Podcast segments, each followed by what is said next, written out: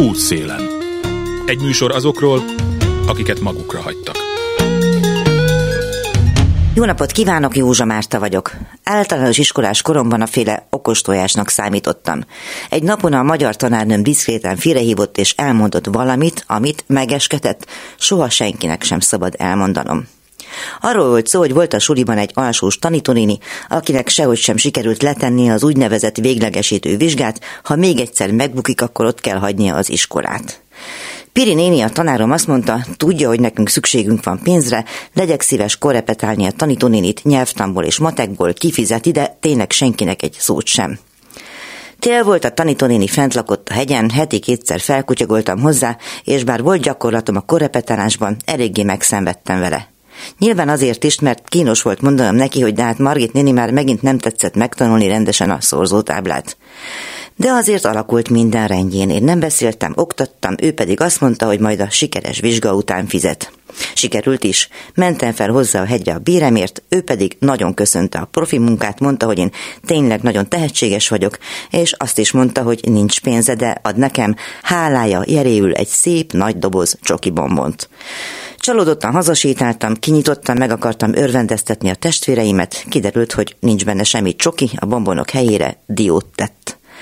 Arra már nem emlékszem, hogy avas volt-e a dió, de arra igen, hogy sokat gondolkoztam azon, helyesen cselekedtem-e.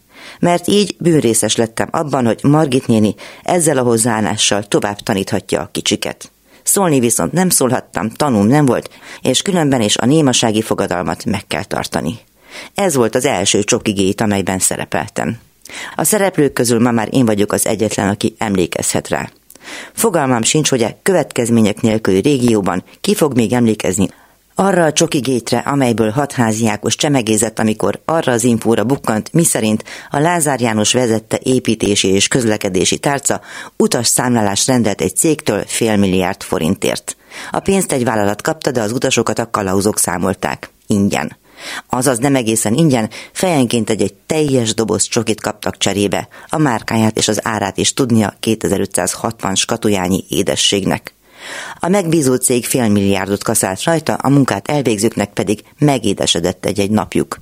Azt nem tudjuk ugyan, hogy annak tudatában számláltak-e a kalauzok, hogy mi volt a valódi cél. Jelesül azért volt mindenre szükség, hogy a sűrűn látogatott nyereséges vonalakat elkülönítsék a gazdaságtalanoktól.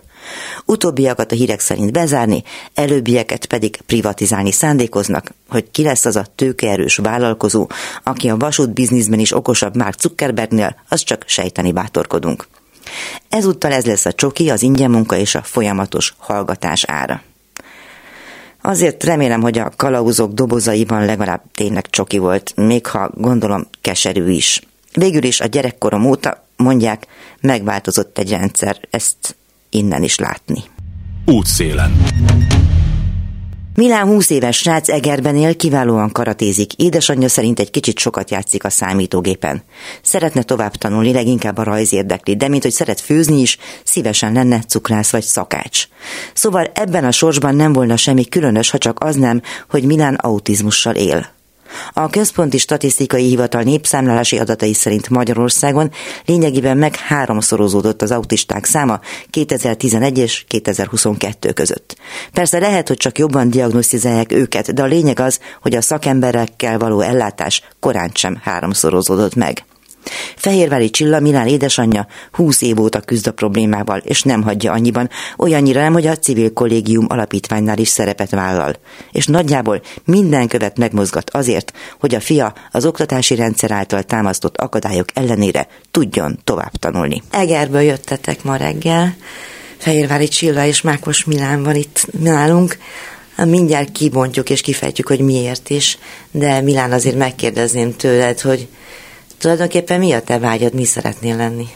Inkább a vágyam, hogy a társadalomban egy jó értékes ember legyek, lehetőleg igazándiból olyan szempont, ami legfontosabb, hogy a máskor lehessen segíteni, még akár ilyen építkezéseken is, vagy csak ide-oda viszem dolgok is érdekelhetnek, leginkább nem vagyok nagy célra törő ilyen tekintetben, szóval nem az, hogy orvos legyek, vagy, vagy sebész, nem is focista, mint a legtöbb gyerek iskolában. Inkább ez, ami így foglalkoztatott, de abból sem egy ilyen fix cél, hanem ahol tudok ott. Ez azért vannak céljai, tehát karat is például vagy? Hát igen, most inkább arra fókuszálom, hogy a karatéban lehetőleg a legjobb eredményeket hozzam, és készülök a következő közelbeli versenyekre. Most 17-ér lesz egy satakán verseny, oda fogok majd menni a ostorsi csapatommal. És mit ad neked a karate, milyen érzés? Hát igazándiból a legelsőnek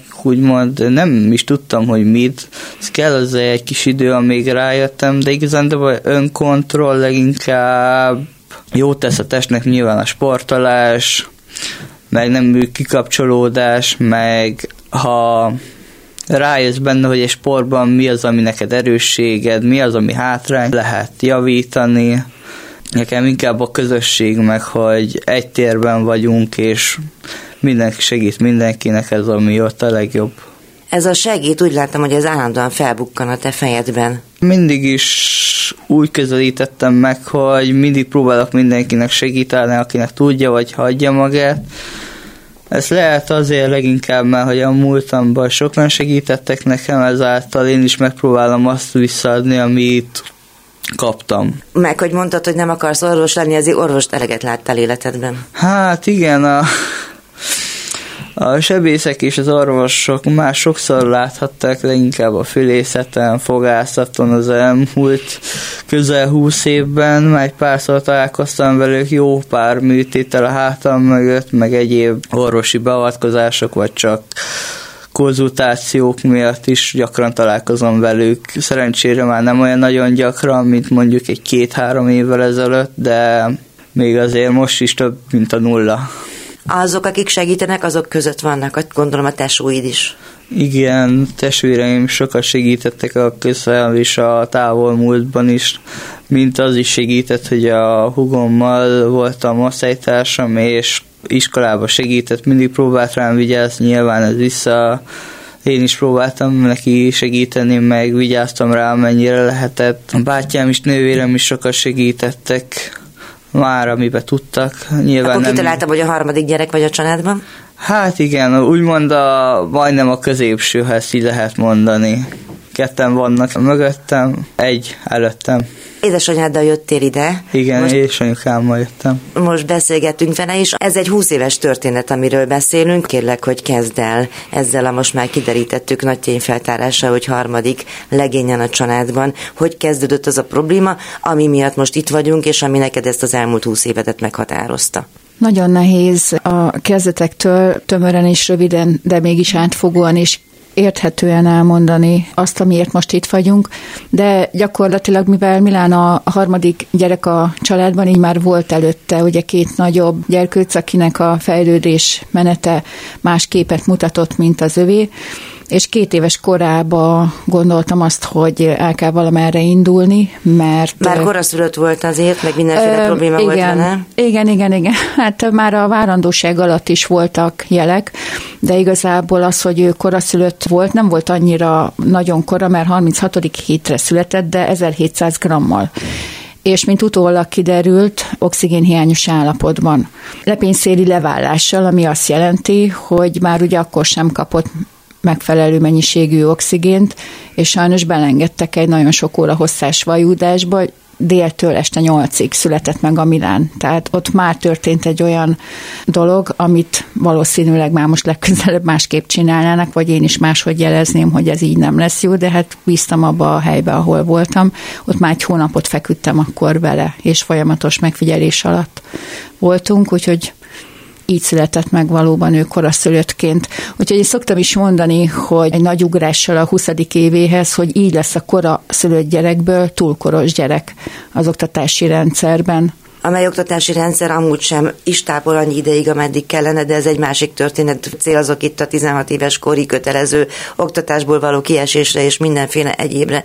Szóval akkor el kellett kezdened tulajdonképpen egy új szakmát, mert hogy másként kellett ezzel a gyerekkel bánnod, mint ahogy az előző kettőben. Az az igazság, hogy mi mindig kergetjük a előttünk álló problémát és feladatot, mivel igen, ez egy teljesen új terület volt, ugye maga a gyógypedagógia, a fejlesztő pedagógia addig nem volt így az életünk része, és mivel nem is volt tapasztalatom, ezért nem tudtam hogy hova forduljak. Én azt Mi az, ami feltűnt első körben? Tehát mondtad, hogy két éves kora körül kezdtél el azzal foglalkozni, hogy lehet, hogy valamilyen sajátos nevelési igénye lesz ennek a gyereknek. Ahogy ezt mostanában mondják, lehet, hogy akkoriban még nem is úgy mondták. Igen, ez a három betű az eseni azért ez 2010-ben került be olyan szinten az életünkbe, hát akkor már Milán csak igencsak nagyobb volt, de két éves korában az első diagnózist azért kellett kapnia, sőt, akkor még nem is diagnózist kapott igazából, azért vizsgálták meg, mert azt tapasztaltam, hogy nem úgy fejlődött, mint a testvérek. Tehát egy egyszerű mezei anyuka voltam, akinek feltűnt az, hogy nem úgy fordult, nem úgy történt a fejlődése a Milán, soha nem mászott, ő kúszásból állt föl. Ugye pici volt, és ugye ezért nyilván az elősége is más volt, és mivel hamar megszületett a húga, 19 hónapra a negyedik gyerekünk is megszületett, ő meg 4 kg 15 dekával született, tehát olyanok voltak, Kétszer mint a... volt. Igen, igen, mint az ikertestvérek, hát volt olyan pedagógus, aki azt hitte, hogy ikrek, mert hogy egy osztályban jár jártak, de hát ez majd egy, mindjárt Még most is így van ez, Milán? Úgy hiszik a hugodról, hogy ikertesok vagytok? Hát most már így több mint tíz év után már szerintem nem, már azért látszik a különbség kettőnk között. De te vagy a védelmező bátyja. Hát amennyire tudom. Azt, ahol tudom. A Milla 60 centivel született, és ezt a fejlődési ütemet tartotta úgy, hogy a Milán 164-nél megállt, és a Milla meg már ugye 175 körül van, úgyhogy már most ebből kifolyólag is más a felállás, de Milánt gondolják a fiatalabbnak, mert hogy ő alacsonyabb de ugye nem úgy fejlődött, és gondoltam, hogy kellene neki a közösség, annak ellenére, hogy ott voltak a nagyobb tesók, és elmentem a bölcsödébe, ahova jártak a nagyok is, hogy mi lenne, hogyha hordanám a Milánt, mert úgy, úgy látom, hogy, hogy kell valami más is neki, nem csak én. És ott javasolt az akkori bölcsödéigazgató, hogy vigyem el egy helyre, ez Egerbe a Cifra Kapu utca, ott majd megnézik, adnak egy papírt, és ő föl tudja majd venni nem csak fizetős napközbeni ellátásra, hanem rendesen bölcsödébe. Én ezt megtettem, elmentem, kaptunk egy papírt, elvittem a bölcsödébe, de nekem senki nem magyarázta el, hogy ez a SNI A mit jelent a Milán papírján, és itt csúsztunk meg legelőször igazából. A bölcsödében kapott egyébként nagyon jó ellátást, mert egy gyógypedagógus hölgy ott foglalkozott vele, csak az én tájékoztatásom az olyan szinten volt hiányos, vagy tájékozottságom, már most nem tudom, hogy melyik a helyes, ami miatt már az óvodás éveinél nagy hiányosságok lehettek körülötte. Az SNIA az mit jelent, hogy sajátos nevelési igényű és autizmus spektrum, vagy körülbelül Nem, mi a... nem, az, az akkoriban A és B volt, és az A az egy erősebb fokozat volt, a B meg egy kevésbé. Ez iránymutatás volt annak, aki szakemberként látta ezeket a diagnózisokat, hogy miként kell majd a gyerekekkel foglalkozni. Ez egy olyan problémakört indított el, most már utólag mondom, nyilván ugye már most 20 éves a Milán, ami nagyon fontos lenne, hogy ezeket azokat a gyerekeket, akik bármilyen okból kifolyólag bekerülnek a rendszerbe, ugye most már máshogy van, mint annak idején volt, még akkor volt nevelési tanácsadó külön, és akkor ugye a szakértői bizottság, most már ez így egy kalap alatt van. Elsőfokú a nevelési tanácsadó a régi, és most utána kerülnek a gyerekek a szakértői bizottság elé, de hogy nincs olyan nyomon követésük szerintem, vagy nagyon sok esetben nincs, biztos van ilyen, de kevésbé találkozunk ilyennel, ami segíteni a szülőknek is azt a fajta nyomonkövetést, amire a gyereknek szüksége van. Hát meg valami fajta korai fejlesztést. Igen. És amikor a Vadaskertben jártam szülői tréningen, ott tapasztaltam meg először azt, hogy mennyire, tényleg mennyire fontos, hogy a szülők tájékozottak legyenek. Nagyon sokszor van abból probléma, hogy a szülő olyan dolgot követel, sokszor követel, vagy kér, ami nem feltétlenül jogos, de olyan is van, hogy tényleg valami járna a gyereknek, de azt meg nem kérik a szülők. Sok információval helyre lehetne tenni azokat a problémákat, amik most benne vannak a rendszerben. Sokkal kevesebb feszültséggel járna a gyerek körüli élet, hogyha mi szülők sokkal jobban lennénk tájékozottak, vagy tájékoztatottabbak meg lenne szakirodalom is tulajdonképpen jobban. Mi lenne neked? Vannak egyébként óviskori emlékeid, vagy hogy emlékszel a kisgyerekkorodra? Érzékeltél el valamit abból, hogy esetleg egy kicsit másként élsz, vagy másként működsz, mint az óvistársaid? Igazán egész oldalában is, iskolában is mindig egy ilyen barátkozós típus voltam, amit igazándiból inkább azt vettem hogy egy óvodában jobban befogadták ezt a fajta közelséget, mint általános iskolában.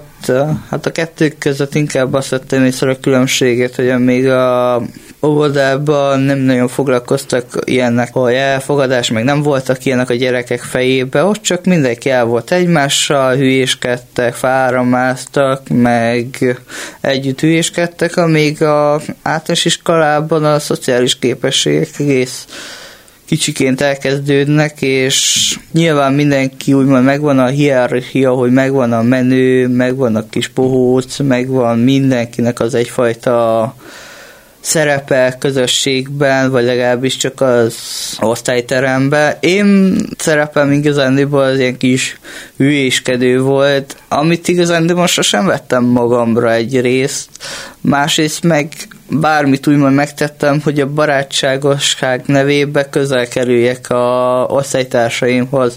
Nyilván voltak könnyebb időszakok is, voltak nehezebb időszakok, inkább úgy mondanám, hogy óvodában nem volt nagyon befolyással, amíg az általános iskolában már a második felében elég nehezebb volt, főleg attól, hogy magántanuló lettem, így nem találkoztam annyit a osztálytársaimmal, és nyilván eltávolodtunk még azt a minimálisat egymástól, és nem volt kommunikáció közöttünk.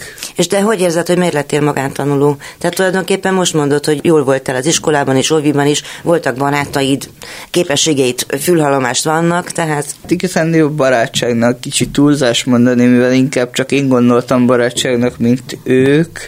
A magántanulóságot őt inkább annak a szükségeltetése éreztette, hogy tanulásban annyira le voltam maradva, hogy meg leginkább a sok betegségeim miatt, mert sokat voltam kórházba, és olyan hamar összegyűltek volna a hiányzási napjaim, hogy inkább magántanulnak kellett mennem, és így egyszerűbb lett.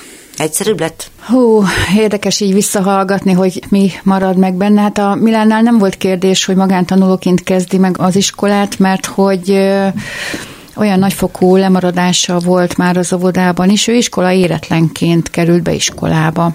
Tehát gyakorlatilag, amit az óvodában nem kapott meg fejlesztéseket, vagy nem kellő időben, amit kapott, az sem feltétlenül mindaz volt, amire szüksége lett volna, sőt, így maga a szakértői bizottság, az ELTE Báci szakértői bizottsága írta le Egerváros edzőjének, hogy hagy maradjon még egy évet óvodában, mert akkor a lemaradása. De mivel a kora miatt mennie kellett, a törvény ezt nem engedte, ezért előkészítő jelleggel elkezdte az első osztályt, de akkor még autizmusról szó sem volt. Ott volt az SNIA a papírján, de az, hogy autizmus még így ebben a formában nem volt leírva.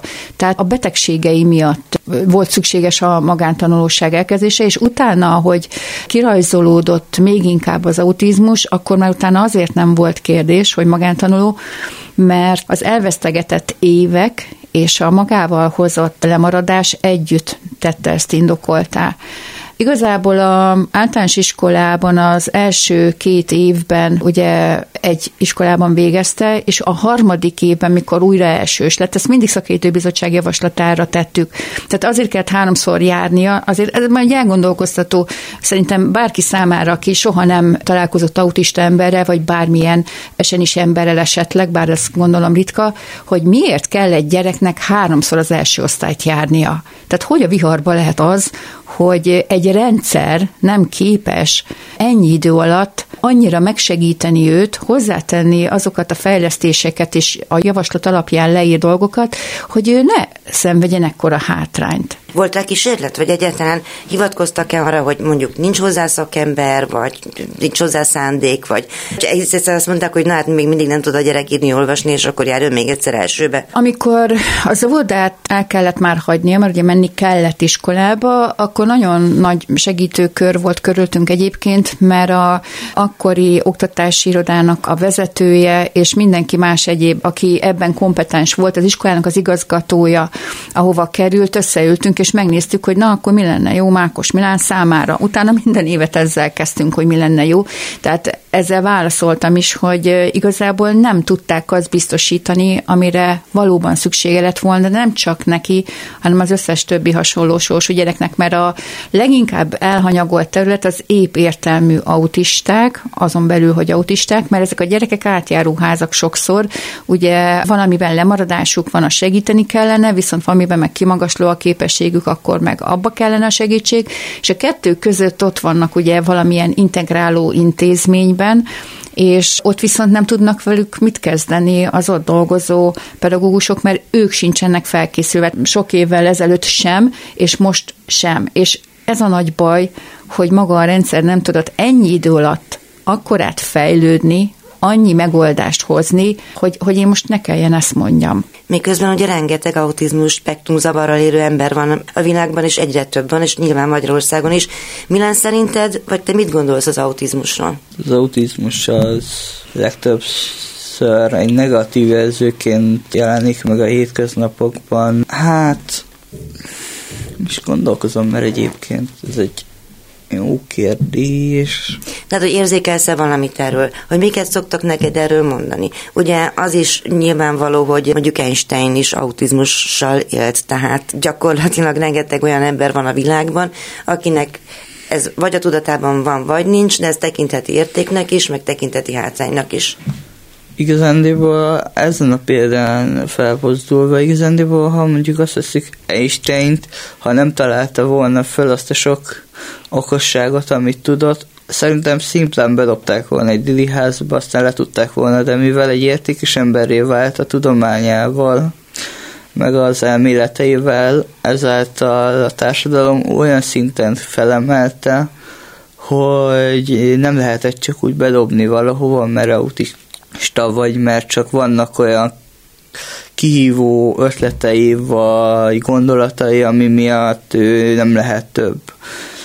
Emiatt szerintem a mai világban még nem, nem teszel valami akkora nagyot, mondjuk egy fogyatékkal élőként, hogy azt mondják, hogy wow, te rád feljebb nézünk, vagy legalább ugyanannyira, mert a mai világban, aki már a fogyatékost, azt, na, azt 90%-ban csak negatív jelzőként használják, pedig egy fogyatékos ember is lehet ugyanolyan társadalomba való értékes ember, mint mondjuk egy ép. Tulajdonképpen mindenki ezt mondja, csak kevesen tesznek, ezért valamit, nem? Igen, igen. Hogy folytatódott az iskolai karrier? Tehát háromszor járt az első osztályt, valamennyit a hugával. Igen, mikor a második évét befejezte egyébként az első általános iskolájában, onnan mindenképp el akartunk jönni, olyan közegben maradt volna akkor, amit ő már akkor nem bírt. Tehát nagyon sok bántalmazás érte, az abózus végig kísérte egyébként a általános iskolát, és majd a középiskolát is, hogy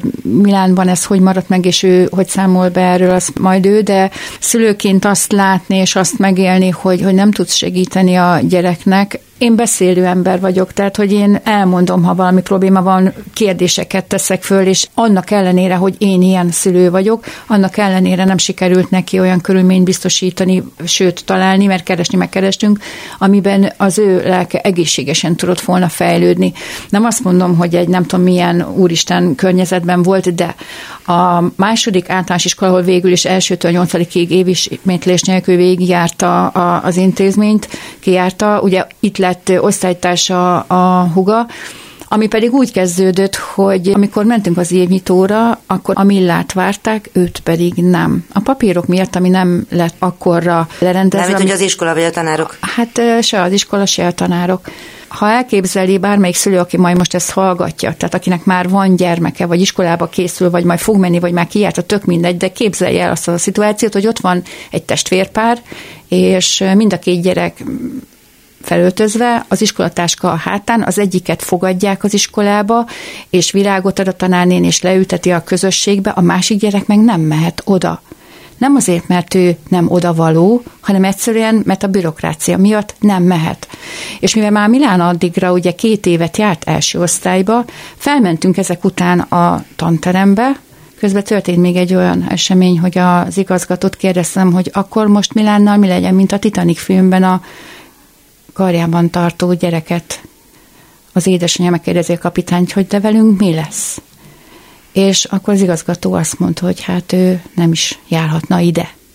Úgyhogy ezek után mentünk fel a tanterembe, és van fotó róla, hogy ott a Milán felírta a táblára, hogy anya felvettetek már helyesírási hibával, de őt foglalkoztatta azt, hogy az összes gyerek ott ül a padba, ő meg nem ülhetett be. Hát mi így kezdtük ebben az intézményben az első osztályt, és nekem alá kellett írni akkor ott egy olyan papírt, ami arról szólt, hogy én lemondok a számára járó dolgokról, mert az alapítókirata az intézménynek azt nem teszi lehetővé, hogy ami egyébként a szakértő véleményben benne van, azt ő megkaphassa.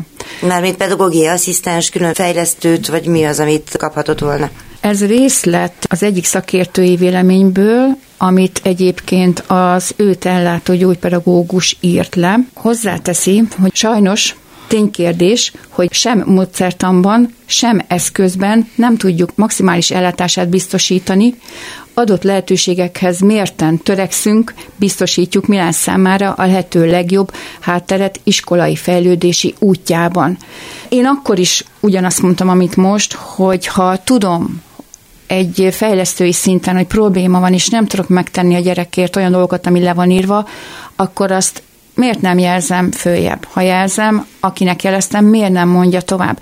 És ezt az utat most már látom, hogy a szakma tudja, hogy mekkora a baj, akkor is tudták. És az iskola igazgatók is tudják, akkor is tudták. És most a felső vezetés is tudja, akkor is tudták. Most ugye a KK, ami, ami tudja, hogy ezekért a gyerekekért sokkal Mármint többet a kell... központ a KK? Van. Igen, igen, igen, igen. Hogy sokkal többet kellene tenni ezekért a gyerekekért, és nagyon fontos lenne, és nem győzöm hangsúlyozni, hogy rendszer szinten együtt gondolkodni, és most még csak általános iskoláról beszéltem. Milán, te emlékszel arra a pillanatra, amikor ott álltál az iskolatáskával, és nem engedtek leülni, vagy nem fogadtak szeretettel? Hát ilyen homályos képek vannak, meg leginkább csak, mert nyilván mert több mint tíz éve volt, aztán rémlik, hogy ott voltunk, és hogy Milánnak volt az első iskola napja, én is ott voltam, de is már annyira nem emlékszek rá pontosan. Ha te lettél volna a tanáraid helyébe, nyilván ennyi iskolai tapasztalat alapján már meg tudod ezt fogalmazni, akkor te mit tettél volna egy olyan gyerekkel, mint amilyen te vagy? Igazándiból az a baj, hogy az akkori időben az ő helyükbe lettem volna. Hát... A fejét csak megsimogattad volna, nem?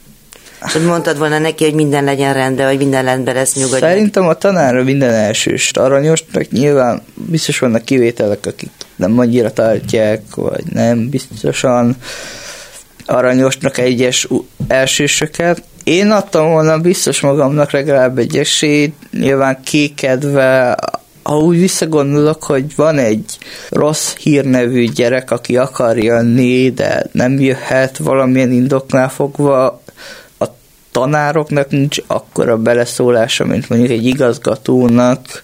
A tanár csak el kell, hogy fogadja a igazgató döntését, Nyilván azzal tehát, hogy hogy viselkedik a tanulóval, mert azt ő tudja befolyásolni, de sajnos ahol mondjuk van egy 32 fős osztály, és van benne egy vagy akár több olyan tanuló, aki plusz segítségre szorul, és 45 perc áll egy rendelkezésre, akkor nem biztos, hogy a tanár meg van kötve a keze, hogy nem tud csak egy emberre figyelni egész órán, hanem ha mondjuk csak egy max. 5 percet tud neki segíteni, mert 32 vagy 31 plusz másik gyereket kell még segíteni a tanórán.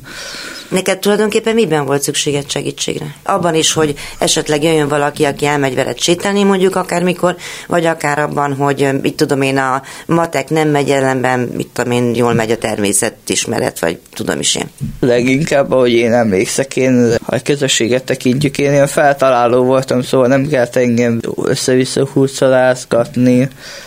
húzszalázgatni, én mindig valakivel voltam, szóval nekem mindig valamilyen társaságban benne voltam, mindig voltam valaki mellett, vagy egy tanár, vagy egy osztálytársam, vagy egy éppen egy olyan helyen, ahol sok másik gyerek van, Nyilván volt, lehetett olyan, hogy csak magamba üldögéltem, vagy elmondtam a saját magam világába, visszatérve a tantárgyakra. Nekem leginkább a tantárgyak megértése volt, ami inkább bonyolult volt, mert ha már megértettem valamit, és érdekelt is, mert én olyan voltam, hogy ami érdekelt, azt megtanultam egyszerűen. Érdekelt a rajzolás, megtanultam egész szépen, szerintem egész nyolcadikban, mert ameddig volt tanáromnál nem kaptam rosszabb ilyet, mint max. egy négyes.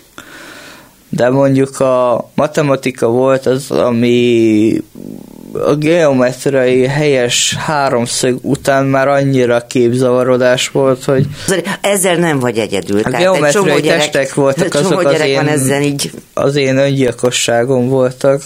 Szerintem azok voltak legnehezebbek, de Kinyírt téged a térlátás? Hát, inkább az ilyen pontos szabályok körbeírása, meg hogy az, azok, amik számomra fölösleges információknak tűntek, azokat én teribe ignoráltam szépen szólva, de ha mondjuk valami minimálisan megfogott, mert mondjuk ha nem is a tantárgy érdekel, de ha mondjuk vegyünk egy ilyet, hogy meg kellett tanulni egy verset, megtanultad, csak volt olyan, amikor megtanultál egy verset, aztán felmondani akartad, de nem bírtad, mert vagy izgultál, vagy leblokkoltál, vagy ilyesmi, vagy csak szimplán volt egy időszak, amikor már a tanár is, is úgymond lemondott rólad, mert te csak ott bent voltál, ültél. Én szerettem mindig az első pacsorba ülni, első pacsor nagy ritkán közepén, de általában jobb szélén voltam. Én figyeltem többnyire mindig órán, egy többségben nem is mindig jegyeztem meg, hogy mi volt a tanórán, de figyeltem aktívan. Tudtad, hogy mi a dolgod? A jó hallgatóság voltam, az biztos, ha még a tantárgyat nem is nagyon értettem meg. Későbbi időszakban volt olyan tant tárgyra, amit, amikor új tanárt kaptam, ő új tanítási módszerrel próbálkozott, ami többségében segítség és sikeres is volt. Itt leginkább az ilyen zanzás és a kvízes feladatokra gondolok, hogy a feladat által készített egy kvízt, arra volt megadva ugye négy megadott válasz, olyanokat tehát szóval kicsit sajnálom is szegény tanáromat, hogy ilyen sok energiát kellett fektetni abba, hogy tanítson, de nyilván szerintem ő viszonylag élvezte meg. Nem is a tanárokkal, hanem a tanárok hozzáállása, ami a módszer, ami nagyon fontos, az, amit kérünk kell változtatni, mert a tanár a módszer egy séma alapján tanít. Ezt Csilla nagyon megtapasztaltad, ugye? Mert hogy aztán később nagyjából te tanítottad, vagy te voltál az egyik azoknak, akik magántanulóként foglalkoztál Milánnal. Hogyan lett Milán magántanuló, és mit teszel hozzához, amit mint Milán elmondott, mert láttam, hogy bőszem bólogattál. A történelem tanára, akiről beszélt Hunyadi Búzás Éva, nagyon szeretném kiemelni az ő hozzáállását, mert példája annak, hogy neki soha nem volt autista gyereke, akiről tudtuk volna, ugye papírja is van róla, viszont mindent megtett azért, hogy a Milánnak a történelmet olyan formában adja át, ami érdekes és izgalmas, ahogy ő ezt ugye elmondta. És én ekkor tapasztaltam a Milánnál azt is, hogy például régi idők híradóit nézte teljesen magától, tehát olyan egyéni utakat talált meg, mert hogy izgalmassá vált neki a tantárgy a pedagógus személye által. És ez annyira jól látszik az, és örülök, hogy a Milán beszél erről, hogyha fontos a gyerek személye, akkor nem mondom, hogy mindent, de nagyon sok mindent el lehet nála érni. Még a tantárgyakra való rá, figyelem ráirányulása is, vagy a felhívása az érdekességére, mert a matematika neki kifejezetten egy erőssége volt, mikor kicsi volt. Egyébként a Béles Mária Montessori módszerével tanultunk otthon. Marcsival mi nagyon sokat foglalkoztunk azzal, hogy hogy lehet akár épp gyerekeknél is ezt elérni, és a, a Milla is magántanuló volt, de ő neki nem volt semmilyen egyéb plusz oka arra, mint az, hogy én azt gondoltam, ugye az édesapjukkal akkor egyeztetve, hogy a legjobb helye otthon lesz. Szokták kérdezni, hogy miért, és a rövid válaszom az, hogy azért, mert így döntöttünk, a hosszabb pedig az, hogy amennyire értékes emberek voltak óvodában, maradjanak is meg annak. Bizonyára most sok szülő ezt így furcsán fogja majd venni, és lehet, hogy fel is hördő, hogy hát ezt én hogy gondolom, de úgy gondolom, hogy az a kreativitás, az a nyíltság, az az őszinteség, az az egyenesség, amivel a gyerekek az óvodában tudnak élni, hogy ezt a Milán nagyon jól elmondta az ő szemszegéből, az megtörik az általános iskolába, és egyre inkább megtörik. Nem azért, mert a pedagógus rosszat akar, hanem amiatt a rendszer miatt, amiben ő nekik kell, hogy tanítsanak. Vannak jó példák és, és jó iskolák, ahol ezt másképp is meg tudják oldani, de nagy többségében ez másképp zajlik. Van egy nagy törés az óvoda és az iskola között. Az iskolát végül is akkor mikor és hogyan végeztétek el, és hány osztályt? Háromszor egy osztály, és ugye a többi az pedig végig az általános iskolát egy helyen, és utána jött az a rész, ami nem is tudom, szerintem lehet, hogy nem is lennénk itt, hogyha ez már akkor megoldódott volna. Tehát elvégeztem Milán a nyolc osztályt. Igen, és ez Két a, éve? Hát most már harmadik. Harmadik éve. 17 éves volt, amikor ballagott a nyolcadikból amiatt, hogy ugye háromszor kellett járnia az elsőt, és ugye még ráhúztunk egy évet az óvodában, mert a törvény erre akkor lehetőséget adott, és azt írta ez az már korábban is hivatkozott 2020-as szakértői vélemény egyébként, hogy javasoljuk, hogy Milán számára a nyolcadik osztály fő célja az ökkenőmentes átmenet előkészítése legyen. Ennek érdekében fontos társas megértésének, önismeretének és önállóságának célzott fejlesztése. Hogy mit jelent az, hogy autistaként hogy tud tovább tanulni egy gyerek úgy, hogy már betöltötte a 16. életévét, hiszen ugye sajnos most Magyarországon abszolút, tehát hogy ez milyen károkat okoz, ezt mi családok tudjuk nagyon jól, meg nyilván azok a pedagógusok, akik olyan gyerekekkel foglalkoznak, akik nyolcadikat elhagyták, de még nincsenek 16 évesek. Erre történt több megoldási javaslat, hogy hogy tudják ezt ugye áthidalni. Most ebben nem is mennék bele, de Milán műhelyi iskolás lett végül, mert senki nem vette föl sehova. Mi ez a műhelyi iskola? Ugye a szakképzés ketté vált ugye a, a kormány által egyben tartott egyébként képzésből, tehát a szakképző centrumok létrejöttek, ugye most már harmadik évvel ezelőtt, és ennek keretein belül volt lehetőség a műhelyi iskolát is igénybe venni, ami fél év, egy év, másfél év vagy két éves programot biztosít azoknak, akik ebben részt vesznek. Itt szakmát tanulnak a diákok. Milánnak egy nap volt a hétfő a kompetencia nap, akkor ugye nem szakmát tanultak, és semmilyen más tárgyuk nincsen. De milyen szakmát tanultál ebben az iskolában? Textilipari összeállító, így röviden, ilyen textilekkel kapcsolatos textilipar. Érdekelt? Őszintén, nem. Tehát nem olyan helyre vettek fel, ami érdekelt volna, hanem olyan helyre vettek föl, ami nagyon nem érdekelt, de azért van, ami érdekel.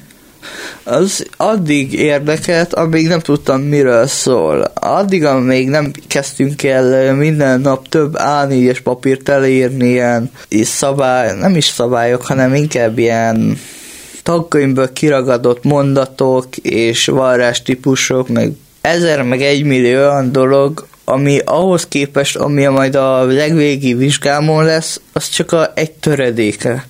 És aki ezt elvégzi, az mi lesz? Tehát mit, milyen munkát hát, tud válni? kap róla egy, egy ilyen okleveles papír, nem okleveles, ilyen, az a kész szétnyithatós. Kék, hát egy diplomát, igen. Hát egy diplomát lényegében, hogy textil termék összeállító lényegében. De az mi a túró?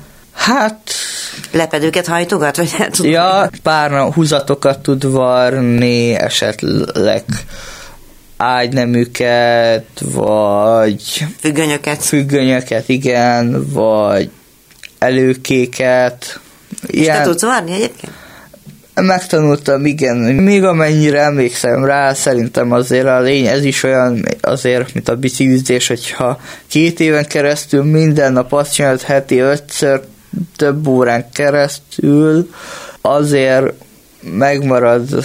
Valamilyen később. Nyilván nem fejlődik. az ilyen legszabályosabb, meg lehet, hogy azért kell egy kis minimális utána nézés, vagy egy kis újraemlékezés, hogy mégis hogy kell azt megvarni az adott dolgot, de mondjuk egy kötény szerintem biztos meg tudnék varni egyből, vagy egy, hát egy zipzárzsérében nem vagyok biztos, de mondjuk De, De mi szeretnél lenni?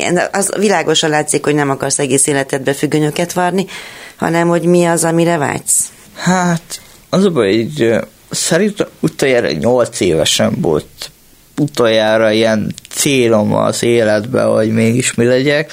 Voltam én profi focistától kezdve, mondjuk az űrhajósban nem vagyok biztos, de játék... Pedig az kötelező egy srácnak. Ja, azt elfelejtettem, az kimaradt nekem. Hát leginkább az, ami sokáig mondogattam, az a játéktervező, meg játéktesztelő volt, de igazából csak azért gondolkoztam abban, mert szeretek játszani. Anyám szerint játékgép függő vagyok, ami nyilván kettőnk között a meg eltérő a gondolkodás arról, hogy ha valaki szeret játszani, meg az, hogy valaki nem tud nélküle élni. Tipikus szülő-gyerek konfliktus, igen? Anya egy kicsit komolyabban gondolja ezt, de ebbe szerintem most nem menjünk bele. Igazándiból nekem nem volt már nagyon szerintem több, mint szerintem 12 tíz éve nem volt fő célom az életben, hogy mi legyen. Mindig csak soroltam az ára, hogy iskola, sok kórház, össze-vissza megyünk, sosem volt ilyen különösebben fix célpont az életemben, mert mindig változott valami leginkább. Csilla, ehhez képest most hol tartunk? Ahol most tartunk, ahhoz meg kell említeni azt, hogy szülőként mindig kerestem annak a megoldását, hogy ezt hogy lehet helyre tenni. Az, hogy még mindig ott tartunk, hogy ezt keresem, az annak a bizonyítéka, hogy ugye nem sikerült megtalálni azt a szintű megoldást, amivel többiek is tudnának élni, ha már mi és mindig igyekeztem olyan közösségekhez közel kerülni, vagy valamilyen munkát vállalni, aktív állampolgárként részt venni a társadalomban, hasznos tagja lenni, amit a Milán is mondott, ami odáig vezetett, hogy most ugye a civil kollégium alapítványnál tanulom a közösség szervezést, közösségfejlesztés, hogy hogy lehet ezt okosan és jól csinálni, és most ott tartunk, hogy ennek keretein belül egy egyéves képzésen belül a pedagógiai asszisztensek számának fejlesztése, felfejlesztése és az ő munkájuknak a, a fontosságát szeretnénk kiemelni, és az autista tanulók továbbtanulásának a lehetőségéről szeretnénk minél többet átadni, és minél több területen ezt segíteni. Mivel ahogy mondtam korábban, ez egy nagyon-nagyon nagy feladat most a, a, a kormánynak is, hogy ezt megoldja, mert olyan elmaradás van, amit már mi nem bírunk tovább. Hát igen, mert nevezzük nevén a dolgot, hogyha lennének pedagógiai asszisztensek és segítőszolgálatok, és egyáltalán az iskolák erre kéne képezve, akkor a Milánhoz hasonló gyerekek minden gond nélkül tulajdonképpen, vagy a megszokottnál több gond nélkül tudnának eljutni valahova, ami tulajdonképpen találkozik azzal a célral, amit ő el tud érni, és amit el szeretne érni. Azt mesélte, hogy a Milán középiskola, vagy a továbbtanulási karrierje az most hogyan áll? Ide mondanám azt a mondatot, amit sokszor elmondok, és el is fogom, hogy nem az a baj, hogy probléma van, hanem az a baj, hogy a problémához nem találunk megoldást, a problémákra nem találunk megoldást. Tehát nincsenek meg azok a hidak, amik összekötnék a, az igényt a megoldással. És jelenleg Milánnak még mindig nincs befogadó iskolája. Most ugye már februárt írunk, 2024 februárt, és neki 2023-24-es tanévre nincs befogadó iskolája. Ugye ugyanazt a kört megfutottuk, amit a 8. általános befejezése után alapítványiskoláknál jártunk, majd szakképzési centrumoknál jártunk, Heves megyei szakképzési centrum több iskolájánál jártunk, és én mindig arra mentem, amerre mondták, hogy merre menjek.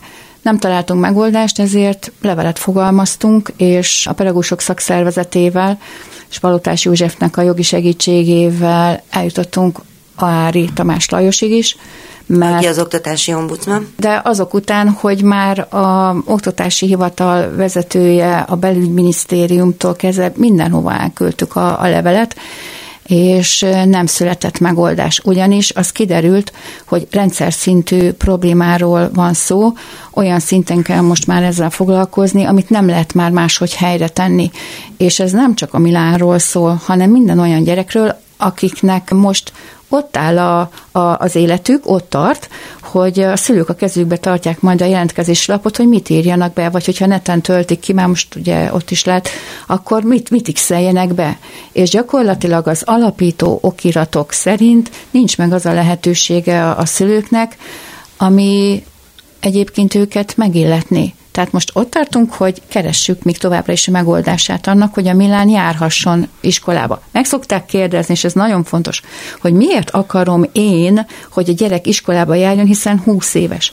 Fontos ezt látni, hogy van egy biológiai kora, és van egy olyan kora, amivel most ő tudja élni az életét. Az a szociális fejlettség, amivel ő most rendelkezik, az nem egyenlő a biológiai korával.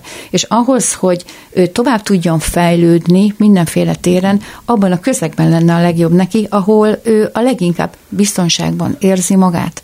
És hogyha ez a kilencedik osztály, hát most majd kíváncsi leszek, hogy ez hogy fog megoldódni, akkor, akkor ott, ha majd egy tizedik egy esetleg egy különbözeti vizsgaletételével, akkor az, de semmiképp nem a felnőttek világa, és semmiképp nem egy esti felnőtt képzés, vagy a munkavilága.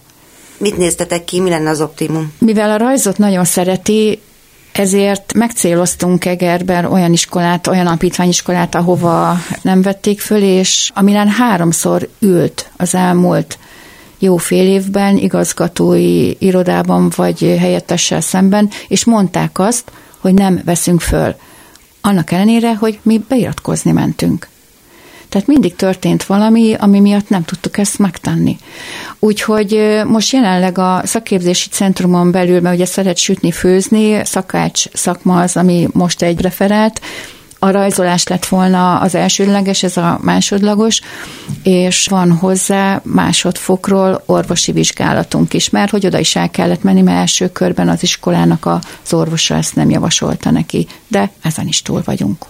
De mit szólsz ez a szakmához? Hát, igazából tényleg szeretek sütni, főzni, meg de inkább az is előnyös, hogy a nagymesterem a karatéban ott igazgató helyettes, ez nyilván nem olyan téren lenne előnyös, hogy velem kivételezne, vagy ilyesmi. Mégis csak jobb egy olyan helyre menni iskolából, igen, valakit igen, ismerünk igen. már, és tudjuk, hogy bízhatunk benne, nem? Tehát te most azért küzdesz, hogy Milán tanulhasson tovább, hiszen szüksége van még a tanulásra, és semmiképpen nem arra, hogy egy nyárban varjon függönyöket, amire, ugye, amiről van papírja, és ezt gyakorlatilag a pápán és a miniszterelnökön kívül mindenki megkapta ezt a levelet, amiben ezt kéred, és mi az általános ezek szerint elutasítási formula, amivel azt mondják, hogy ezt így nem tudják megoldani.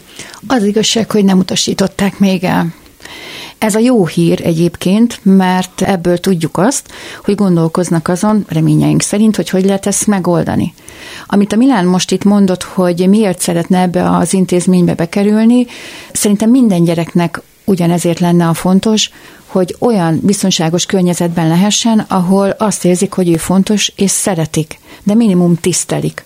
Azt, hogy ő gyerek mert a több joggal is élünk, az egyik az az oktatáshoz való jog, és hogyha ezt valakitől elveszik, akkor gyakorlatilag olyan dolgoktól fosztják meg, ami én nem is tudom, tehát ha nem velem történik, akkor is furcsa, de hogy velünk ez megtörténhet, ez ilyen felfoghatatlan. Tehát most jelenleg várjuk a oktatási jogok biztosának a válaszlevelét, még határidőn belül vagyunk, mert ugye 30 nap áll rendelkezés, és január 12-én ment ki ez a levél, és én nagyon bízok abban, hogy olyan szinten sikerül neki megmozdítani a döntéshozókat, és összehozni, hogy egy végleges megoldást tudunk majd találni, hogyha ez majd törvényeket kell módosítani, akkor legyen az. Szerintem minden kompetencia megvan hozzá, úgyhogy március 9-én Egerben lesz egy országos konferencia, aminek ez lesz a témája, nagyon bízunk benne, hogy a meghívottak közül nagyon sokan el fognak jönni, és fontosnak fogják tartani azt, hogy erről kezdjünk el nyilvánosan és őszintén beszélni, mert én hiszem azt, hogy a helyes kommunikációnak, az egymás tiszteletével, a, a segítségnyújtással, a jó példáknak a megosztásával, mert vannak ilyenek, eredményeket tudunk elérni hiszen a megelőzés az mindig-mindig sokkal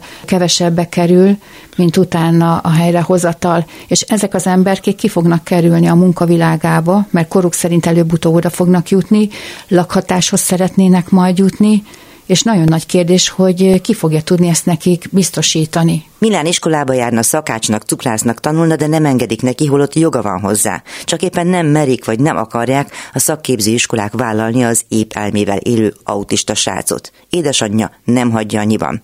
Erről beszélgettem mai vendégeimmel, ők Fehérvári Csilla és fia, Mákos Milán. Köszönöm értékes gondolataikat. A műsort a Klubrádió honlapján, az archívumban és a podcast felületeinken hallgathatják vissza.